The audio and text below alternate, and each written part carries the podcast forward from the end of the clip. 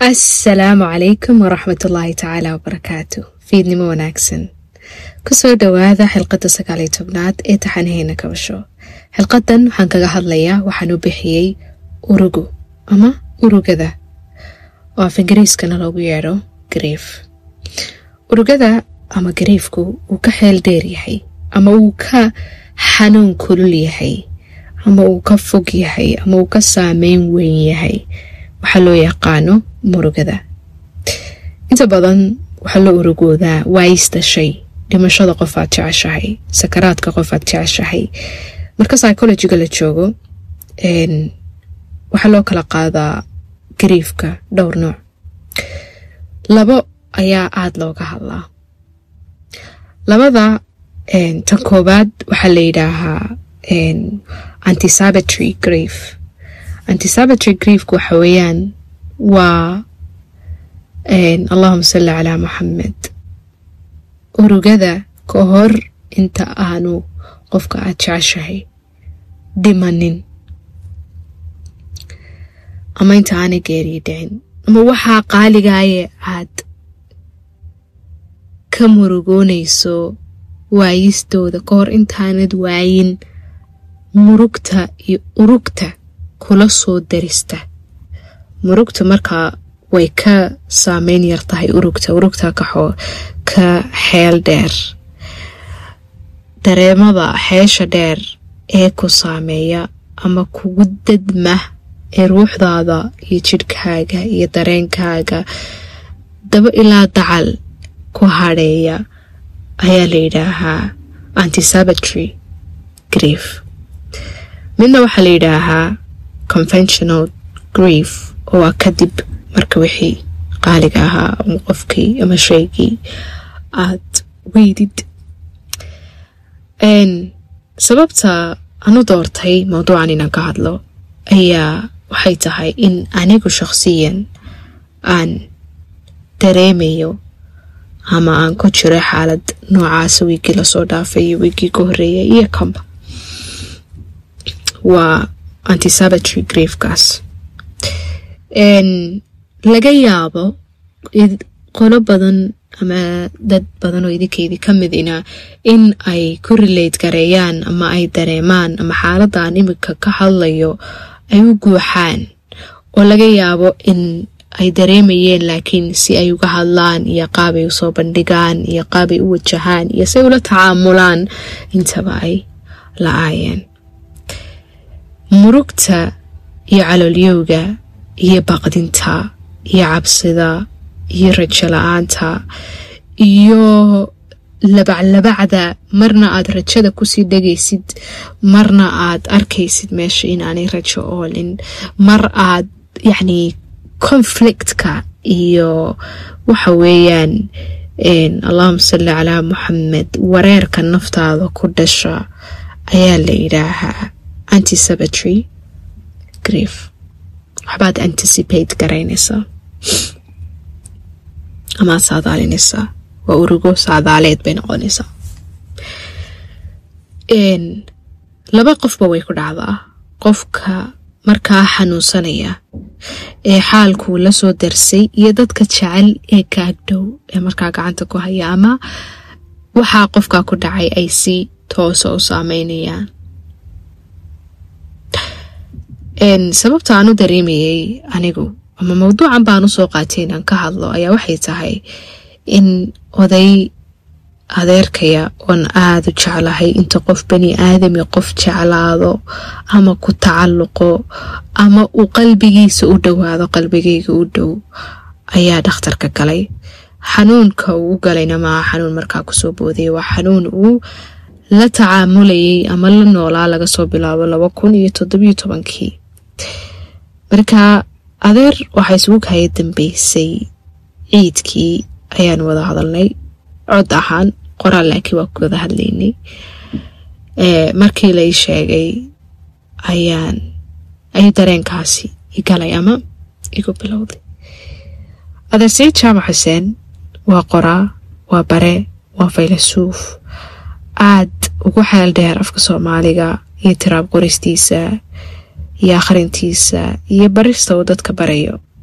Intiinay dhegaysanaysa waxaa laga yaabaa si uun haddii aad nolosha isu mudateen ama meel ku kulanteen ama iscod maqasheen ama meel isku salaanteen inuu saameyn idinku yeeshay. Oo ka markhaati kacaysaa wanaagiisa iyo qofnimadiisa. Aniga iyo adeer sayid jaamac xuseen waxaa naga dhexeeyay mu ahayn uun dareen inan iyo adeerkeed. Ee arwaaxdayada ayaa isku sidkanayd waxaan aaminsanahay siduu nebigu calayhi afdal salaatu waatamu tasliim inoo sheegay al arwaaxu junuudun mujanada arwaaxdu inay tahay sida ciidamadoo kale ciidamo qalabaysanoo kale inay tahay.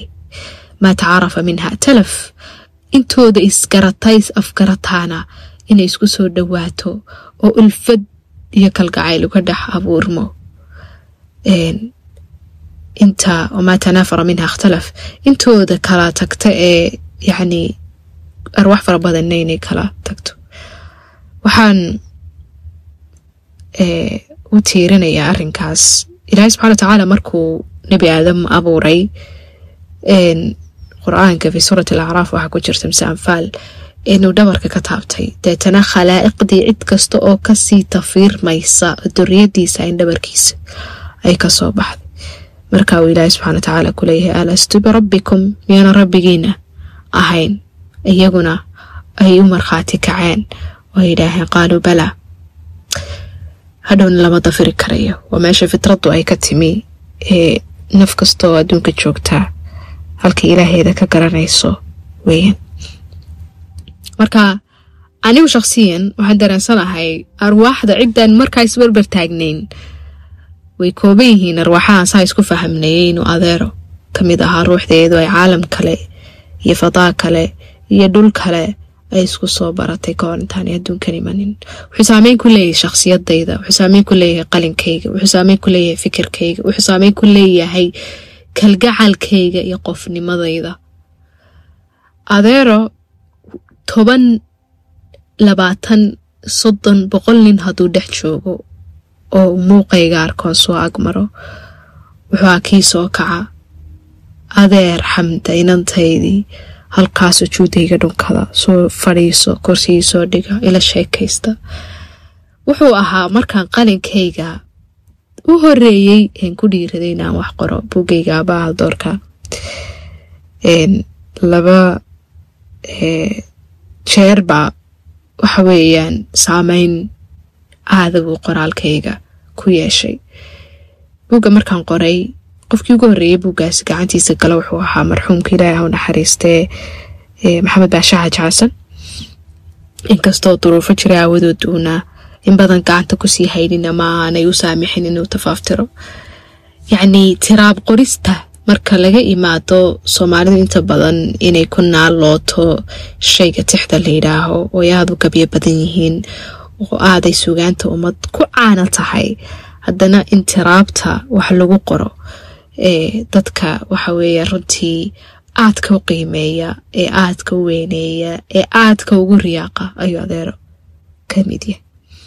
Marka ciddii ugu horreysay ee erey ah qoro intuu saa u eego yidhaaha ereygani adeer macnuu ii sameeyey ama ruuxdayduu taabtay. Ama meel fog buu igala hadlay weeyaan adeer siciid jaamac inta badan abaalka dadku waxay u yaqaanaan qofku markuu cunto ku siiyo ma wax wada cuntaan ama hu wada gashataan ama meel wada martaan. Laakiin qofka haddaad dukaan maanta haysato oo aad sonkorta iibisid ood bac ku xidhxidhid qofka ku yidhaahas cajiiba baad bacdaa u gunuday ama aad u xidhay ama aad u miistay ayaa kaaga qiimo badnaanaya qofka sonkortii lacag ka bixiya ee kaa iibsada. Labiyo tobanka kowda labada afarta maalinimo. Ini saacad ayuu adeer tagsii soo diraya adeer gacalo inaa codkaaga maqlaayaan doonaya markuu ila hadlayo waxaan dareemayaa yani kun sagaal boqol iyo toddobaatankii anigoo halkaa jooga xilligii siyaad barre u haystay ee madaxnimada anigoo halkaa maraya anigoo sanca ka soo degay anigoo waxaweeya duseldorf iyo jarmalka jooga anigoo halkaa tegay aniga oo halkaa safar u tegay anigoo qoraalkaa markaan qoray aan diyaaradda dul saarna anigoo saasa yacni gabaygaan wada akhriyayna qoraalkaan wada akhriyayno buug baan wada naqdiyeynaa taxis isaga oo toddobaatana ya allah ibaarik fi cumri. Ayaa waxaan dareemayaa kaanamaa inuu qof ruuxdayaduse isku fahmayso adeer markaa lay sheegay inuu xanuunsanayo dhakhtarkaan ugu tegay dhakhtarka markaan ugu tegay ayaa aanu galay markaanu galay ayaan indhuhu isku hayay markaa sababtuna waxaweyaan dawooyinka laga badiyey ee kaar jabinta lagu muday aawadeed iyo daalkii iyo xanuunkii iyo kaarkii uuna habeenadan seexan oo hurdo u keenay markaa dul istaagay asalaamu calaykum adeer. Waa xamde xuseen waan ku soo booqday. Caafimaadkaagaan ka soo wardoonay. Qur'aan baan ku aqriyay qur'aankii baan ku tufay. Ilaahay ha ku caafiyo waan ku jeclay adeero. Hadal baan markaa iyo halhays iyo riwaayaadkan ka hadli jirnay iyo allahuma salli calaa maxamed ereyadiisii aanu kaydhka ahaayaan isla garanaynay baan kula hadlay indhihiiba marka soo furay ogaalkiisii ayaa soo laabtay. Ogaalkiisii markuu soo laabtay ayuu sidaas indhihiisii cirka eegihiibuu soo celiyay saasuu eegay marka. Anigu marka aragtida waan garanayaa. Go-onka uu xidhanyay waan garanayaa. Go-a ku dadana waan garanayaa. Sariirta ku jiifana waan garanayaa. Iftiinka ka baxayana waan garanayaa. Kaanamaa taariikhu yaciidu nafsa. Nafs sida muwaasafaadkii iyo astaamihii waa bahay lahaa laba kun iyo afariyo tobankii markuu maalmihii u dambeysay noloshiisa. Markaas adeer waa xamde markaan ku yidhi ayuu saa u soo laabkacay intiisaa saro oo dhan. Tiindhaasaa u kala qaaday kaanamaa inuu raba inuu sidii aan ka bartay iigu soo kici jiray inuu iigu soo kaco adeero hadal buu isiri laakiin carabkiisii ayaa gabay anigii gabadhiisa soo qaadqaadatay islahayd adeerkaa soo booqo soo duceeyo aan lagaa dareemin waxa weeyaan. Waa inaad positive ahaataa mar keliya. Ayaa awoodii waxa weeyaan. Indhahu ay ilmada ku hayeen ay ku sii hayn kari waayeen oo soo dahay saddex wiil baa markaa dul taagan. Inankiisa axmed iyo laba nin oo kale oo iyaguna booqasho ah. Midkood wuu baxay markiiba oo dareenkii iyo ilmadiisii uu dabadowla baxay maadaamuu nin raga inaguna aynu ragga ku ceebeysano ilmada axmed iyo wiilka kalena way taagnaayeen. Mid muraayadaha iska bixiya mid sii jeesta mid awoodda uu ku soo kacay iyo siduu raba inuu u hadlo laakiin hadalkii carabkii u kabay ee xanuunkuuga xoog batay bay arkeen. Adeer waan kuu ducaynayaa. Ilaahay caafimaada ku siiyo. Ilaahay ha ku ilaaliyo. Tan dhihi kariya waa nidhi anoo isku dayay markaa inaan positive. Aan ahaado sababta aan arrinkan idinla sheergaraynaya ayaa waxay tahay inta badan inagoo keliyana maaha ummaduhu shayga gariifka la yidhaaho ama urugada la yidhaaho waa dareemada ugu xeesha dheerleh aan laga hadlin. Iska daa in laga hadlee haddii laga hadlo yacnii qofku uu si uu u express gareeyo aanu garanaynin antisabatory griefku ama inaad anticipate garayso ood saadaaliso oo naftaadu ay baqdo oy cabsato oo meel dhexay istaagto ma rajaday ku dhegtaa ma quustay u dhiibtaa ma ma iminkaa kuugu dambeyso qofkanaad indhihiisa aragtid ma berri baad ku soo noqon doontaa ma adaa ka horeyn doona ma isagaa ka horeyn doona. Waa wax adag inuu ruuxu maro. Si gaara waxaan codkayga u soo gaadhsiinaya dadka la tacaamulaya xanuunka la yidhaaho kansarka. Wadmoodooyin uu ku haysto dadku dadkay jecel yihiin. Muddo qofba qofka uu ka qiimo iyo qaayo iyo sharaf qofnimo badan yahay inuu ka jiidanayo adduunka.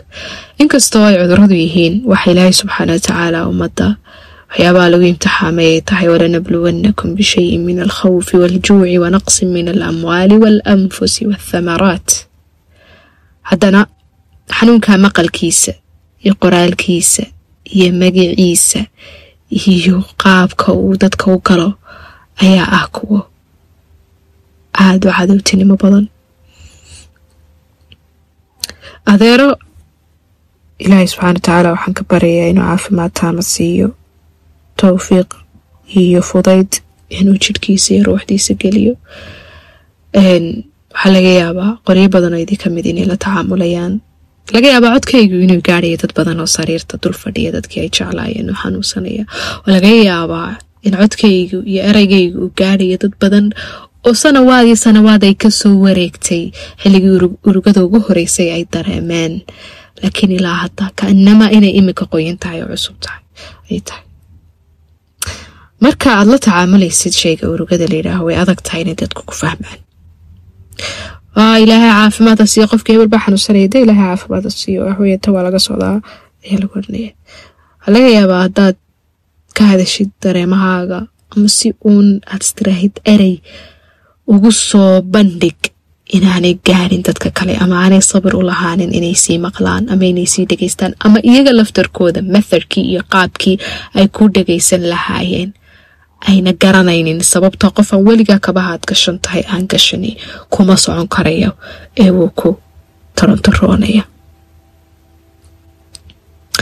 haddii aad uruga dareemaysid iyadoo qofkii aad jeceshahay weli uu nool yahay oo adduunka kula joogo. Maaha inay tahay inaad rajadii dhigtay maaha inaad dambaabsan tahay maaha inaad qofkii dadejinaysid waa wax dabiiciya.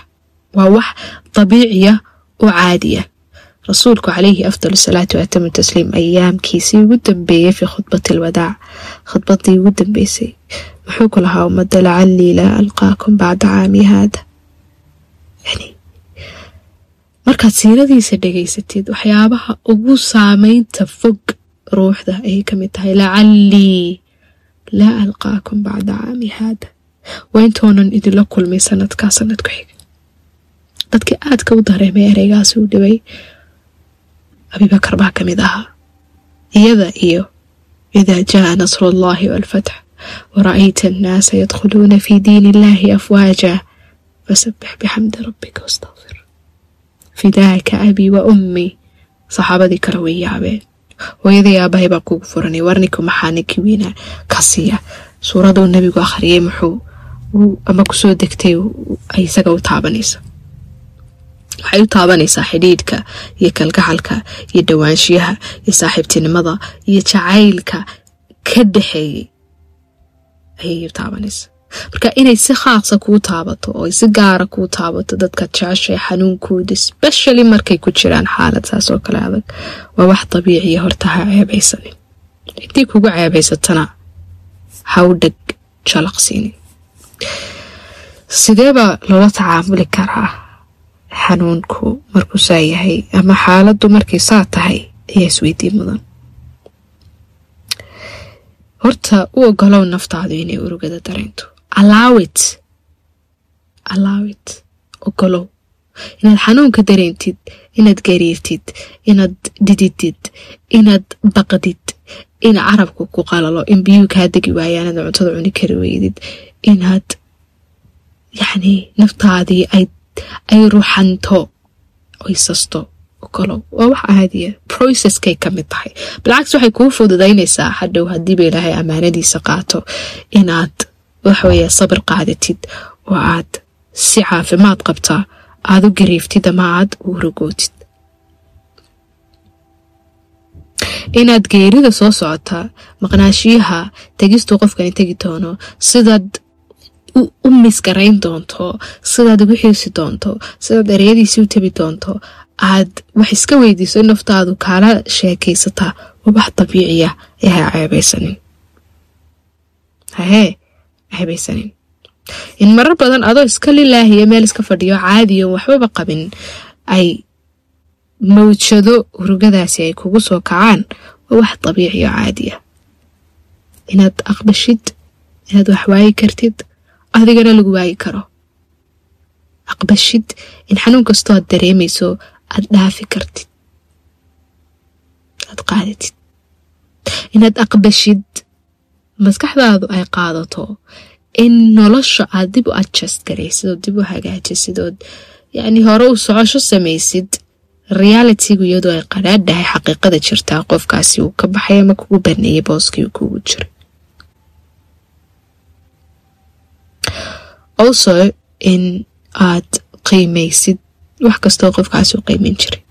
Hadday qalin tahay iyo hadday qoraal tahay iyo hadday kabay tahay iyo hadday siduu wax u express garayn jiray. Wixii idinka aad sheer jirteen idinka dhexeeyey ood qiimaysaa waxay ka mid tahay inaad si caafimaad leh aad u urugoonaysid waa muhiim markaad xaaladan ku jirtid in cid kale garabkaaga joogtood kala hadli kartid laga yaaba dad fara badan inay ku adag tahay inay ka hadlaan. Maxaad ka hadlaysaa qofkiisoo kante u duceeyna lagugu yidhaaho laakiin waxaad dareensan tahay haday dadka kale kula dareemi waayaan buuggaaga kula dareemaya iyo qalinkaaga. Dad wax qori kartid qoraalku waa very therapeutic waa wax therapy weeyaan. Wuxuu kaa dejinayaa culays iyo go-yaal iyo bustayaal culays iyo murugaaha oo adiga ku saarnaa. Allahuma salli calaa sayidina maxamed haddii aad la hadli kartid specially dadkaad la hadlaysid waa inaad weydiisa waxyaabaha muhiimkaa markuu qofku gariifayo in qofka aad la hadlaysid aad kala hadlaysid dareenkaaga aad marka hore wargelisid dareenkaasan kaala hadlaya. Waan ogahay qof muslimaan ahay iimaan baan leeyahay waa la wada soconaya ana ishubin waxaasoo dhan maxaadaradaasoo dhan waan ka dhereegsanay waan ogahay. Laakiin waxaan doonayaa waxaan dareemaya inaan kuu sheego.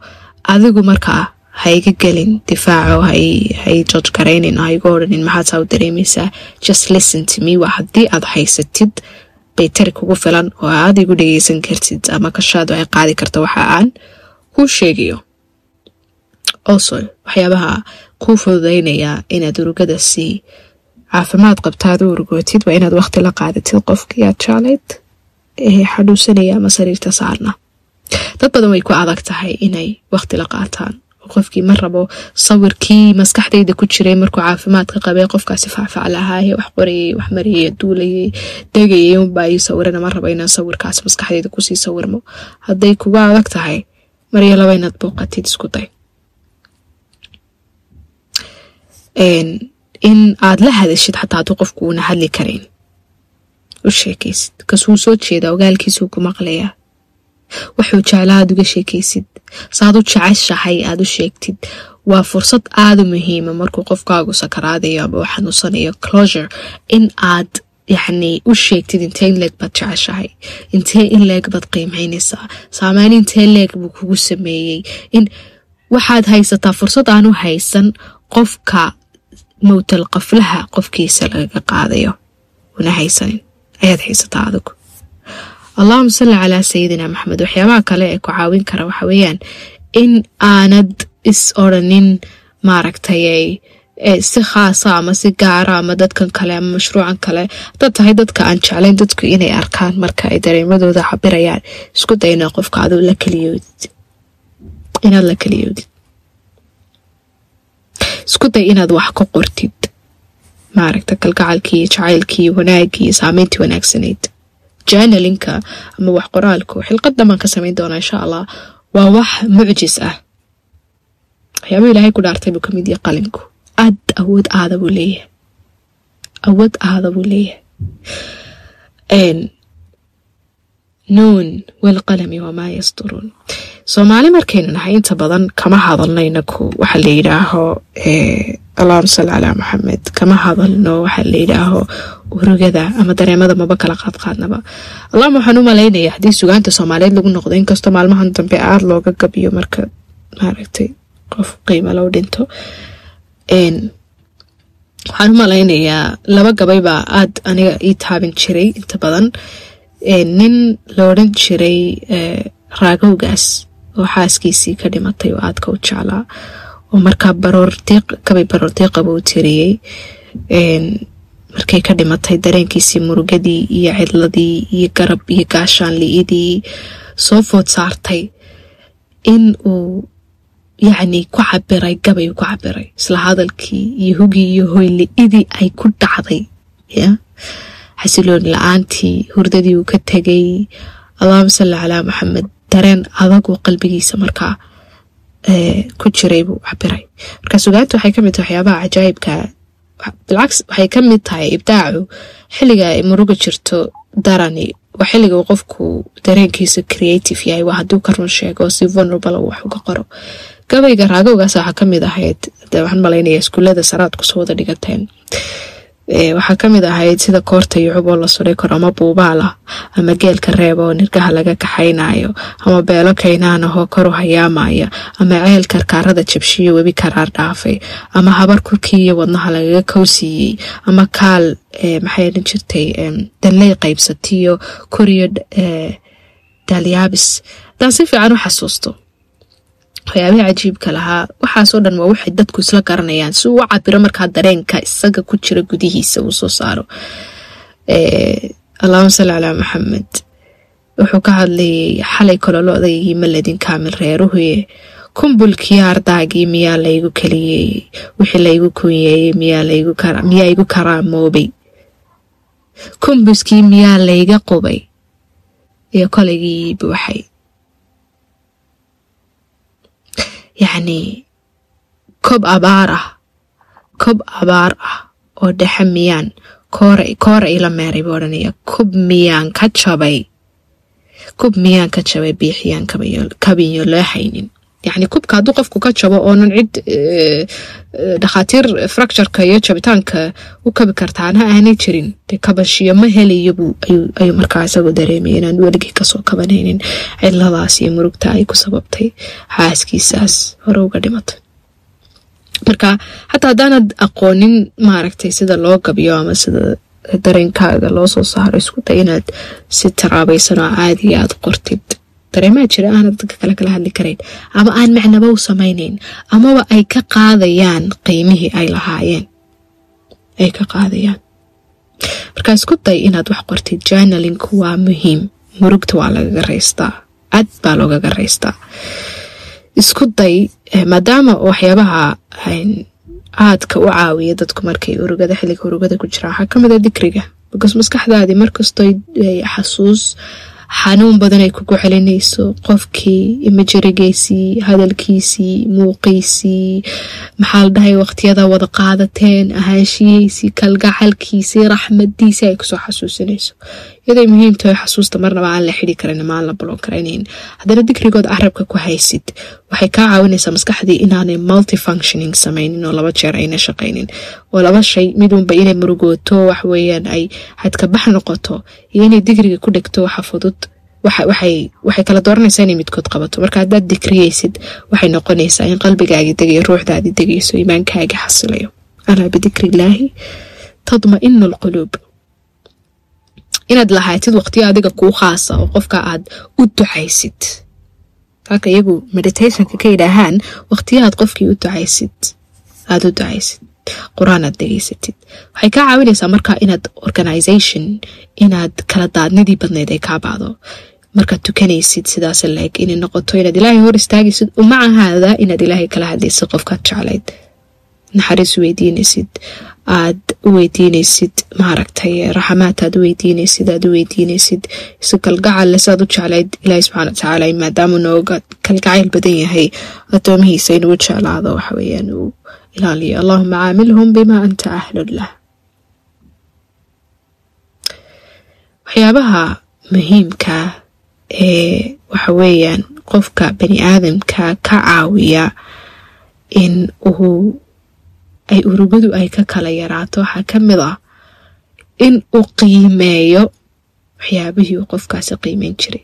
Rasuulku sal ly slam markay khadiiji ka dhimatay dumarkii saaxiibadeeda mar walba markuu xoolaha la qalo wuu dhiibi jiray wuu hadyadeyn jiray wuu ilaalin jiray wuu ka warhayn jiray. Kaanamaa inaad qofkaagii la communicate garaynaysid through dadku jeclaa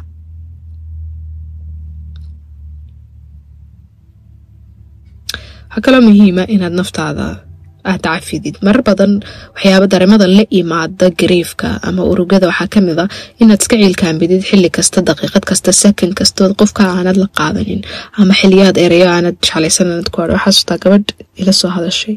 Waxay ku tiri walaalo waxaan leeyahay saddex caruura. Ninkaygii baa iga dhintay? Nin kaleaan guursaday. Malaha ilmo kale isu dhaleen. Ninkaa kale aan guursaday mar kastoon la tacaamulayo ninkaygii umaa soo xasuusanaya waxaan dareemayaa guilt waxaan dareemayaa maaragtay shame waxaan dareemayaa kaanamaa inaan cilaaqadan cusub aan bitray garaynayo ama maaragtay khaayinimay ku jirto. May waa shay dabiiciya ayaan ku yidhi. Sababtoo ah qofka waad ku tacaluqdeen takhayal qofka aad adeer ama walaal ama inadeer ama saaxiib ama wada shaqayn jirteen bal qofka qofkay isqabeen ay kala tagay ilaahay subxana watacaala uu qadaray inay geeri kala fogeyso ka waran dadku markay isqabaan wayba ka sii xeel dheeriya sababtoo ah isulama falgelayaan oo keliya maxaa la dhahayaa emotionally waxay isula falgelayaan maxaa la dhahayaa physically si jir ahaanay isula falgelayaan hunna libaasun lakum hubay isku noqonayaan fa way xasuus waxaa xasuusanaya jirhkoodii oo dhan baa qofkii xasuusanaya marka in uu qofku barto si caafimaad leh inuu u urugoodaa waxay muhiim u tahay inuu si dabiiciya u noolaan karo dad badani waxay dadba uga caagaan inay guursadaan xataa marka qofkoodii ka dhinta ama uu ka tago inay isleeyihiin maybe qofkiibaad betray garaynaysaa ama qofkiibaad maaragtay ka aad khiyaamaysaa hebel loo dhintay sidaad qof kale u hunguraysaa ama heblaayo kaa dhimatay sidaad ogow qofkaaad jeceshahay ee kaa tegay muu jeclaadeen inaad cid la dareyntid ama meel kaligaa iska fadhidid by the time ay ku ogolaata naftiiyo ruuxdiiyo duruuftu inaad maaragtay nolol kale aad balowdid marka urugadu waxay ka mid tahay waxyaabaha dadka xanuunada u keena haddii aan si caafimaad qabtaa loola tacaamulin inagu dad islaama nahay alxamdulilah rab alcaalamiin aladiina idaa asaabathum musiibatun qaaluu inaa lilaahi wa inaa ilayhi raajicuun laakiin si kastoon islaamu nahay bani aadan baynu nahay dareen baynu leenahay calool baynu leenahay jidh baynu leenahay qalbi baynu leenahay waxaynu leenahay kayaan iyo ahaanshiyo xasuusaha kaydiya marka waa muhiim in aynu barano sida ugu mudan ee ugu muhiimsan ee aynu dareemadeena kala duwan. Kuwa aynu jeclaysanayno iyo kuwa aynu jeclaynba in aynu la tacaamulno. Adeersaya jaamac xuseen unaad u jeclahay dhakhtar buu yaalaa central londona dhakhaatiirtu waxay sheegayaan in uu ku jiro maalmihii u dambeysay noloshiisa. Ilaahay baa gacanta wax walba ku haya. Waxaan jeclaan lahaa qof kastoo codkaygu gaadho in si qalbiyan ah aada ilaahay fudayd iyo caafimaad aada u weydiisaan. Biidni raxmaan. Waa very personal dareemada aan idinla wadaagayaa siday aniga agteeda qiimo ugu leeyihiin inay idinkana qiimo idinku lahaadaan ayaan rajaynayaa. Waxaan rajaynayaa codkayga inta maqashay. Ee dareenkan dareemaya ama aan ku jiray ama aan ka hadlayoba si uun u dareemayaa inay iyaguna ay ka qaataan. Ay ka qaataan. Xoogaa awooda ay ka qaataan haddii aad la joogto qof aad jeceshahay oo xanuunsanaya ama sariirta xanuunka jiifa. Oo diagnosis khatara ay dhakhaatiirtu siiyeen. Ilaahay baa wax gacanta ku haya isku day in aad naftaada ilaalisid naftaada hurdadeeda iyo cuntadeeda iyo nasiinadeeda. Iyo janalinkeeda inay culayska iska dejiso ay wax qorto iyo inay markay tukato ducaysahi waxay kaa caawinayaan inaad heshid awood aad xataa ku keergarayn kartid qofkii. Hays dareemin guilt markaad wax cunaysid amaad nasanaysid amaad keligaa waqti u baahatid inaad tiraada oo miyaanad siday ahaydba murugadiiba u dareemaynin. Inaad dembi ay naftu ku dareysiiso inaad shame dareemtid inaad cabsi dareemtid inaad kala qaybsanaan dareemtid inaad mar rajadii ku dhigsantahay in mar quusi ku gasho inaad mar oydo inaad mar yani waxaasoo dhan waa wax dabiiciya. Allaawit ogolow la fadhiiso. Dareemada culus waxay u baahay inaad la fadhiisatid ay markay micno ku sameeyaan. Waxa weeyaan wixii xasuusa aad kala hadhid wixii kale aad sii daysid waa stage iyo weji aad maraysid oo aad ka gudbi doontid haddii ilaahay subxaana watacaala kaa qaado qofkaad jecesha waxaad ogaataa nabigu caleyhi afdal salaatu atama tasliim wuxuu inoo sheegay inuu ilaahay nooga raxmad badan yahay hooyadeenna ina dhashay sagaalka bilood uurkaynagu siday ayna dihatay marka ammaanadaadii iyo qofkaad jeclada lagaa qaaday meel dayacan ma tegayo ilaah raxiim araxmaana ayuu tegayaa markay dadku xafxaf lahaayeene ahalkoodiiyo dadkoodiiyo qabiilkoodiiyo dadka jecel la joogeenba isagoo u naxariisanaya. Markay keli yihiin ee laba mitir joogaane jiifaana ilaahay uuga sii naxariis badnaanaya. Marka waxaan isku dayeynaa in aynu fahamno dareemadaas. Urugada ah oo la tacaamulno si caafimaad qaba. Jeclaano dadkeennu intay joogaan qof kastood jeceshahay ama waalidkaaga ahaado ama ilmahaaga ahaado ama qof saaxiibka ahaado ama qofuu si saameyn togan kuugu yeeshay intuu nool yahay ee caafimaad qabo ee kula joogo wanaaji intuu kula joogo wanaaji magaciisa wanaaji sharaftiisa wanaaji qofnimadiisa wanaaji ahaanshihiisa wanaaji jacaylkiiyo kalgacaylkiiyo wanaaga aadu hayso u sheeg i love you ku dhowaan ku jeclahay. Qiimaad agtayda ku leedahay. Waad mahadsan tahay waan ku appreciate garaynaya u sheeg. Si maalinta ilaahay subxana watacaala kaa kaxaysto ay laabtaada ugu degto intii aad karaysay inaad qofka kalgacaylkaaga iyo wanaagaaga aad ku haqabtirtay oad u sheegtay